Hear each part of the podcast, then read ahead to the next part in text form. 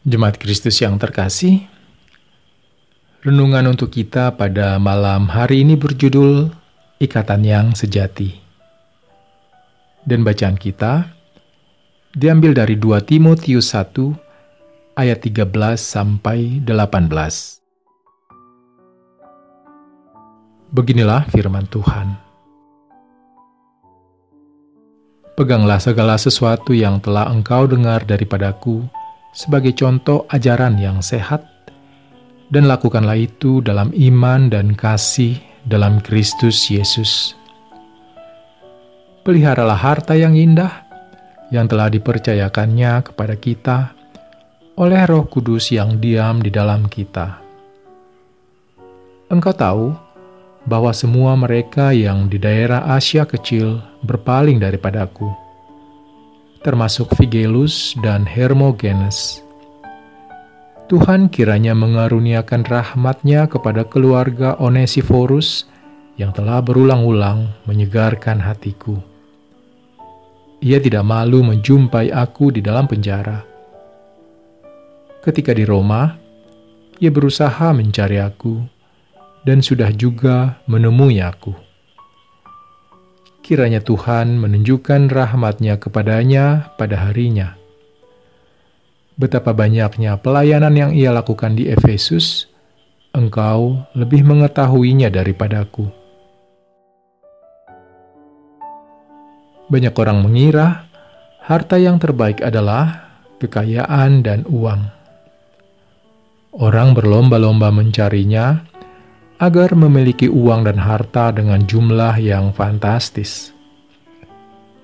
Di sisi lain, banyak juga kisah yang mengatakan bahwa harta yang terbaik bukanlah kekayaan dan uang semata, tetapi berwujud relasi, keluarga, kesehatan, dan pikiran jernih.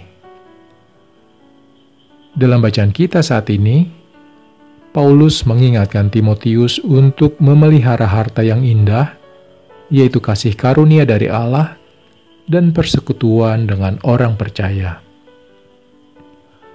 Paulus menunjukkan dukungan dari Onesiphorus sebagai sesuatu yang sangat berarti, yang memberikan kekuatan kepada Paulus yang dipenjara. Ikatan yang sejati yang dibangun dalam kasih Allah justru lebih kuat daripada kita membangunnya melalui kekayaan ataupun uang. Relasi yang terbangun dalam kasih Kristus justru akan selalu ada karena yang menjadi pengikatnya adalah kasih, bukan sesuatu yang fana yang bisa hilang termakan zaman. Oleh karena itu, marilah kita membangun relasi dengan sehat dan jujur Jangan selalu mengandalkan apa yang kita miliki, tapi pakailah kasih Allah sebagai pengikatnya. Roh Kuduslah yang akan menolong kita untuk tetap memiliki ikatan cinta kasih dalam persekutuan kita. Kiranya sukacita dari Allah senantiasa memampukan kita untuk membangun relasi dalam Tuhan. Demikianlah renungan untuk malam ini. Semoga damai sejahtera dari Tuhan kita Yesus Kristus tetap memenuhi hati dan pikiran kita. Amin.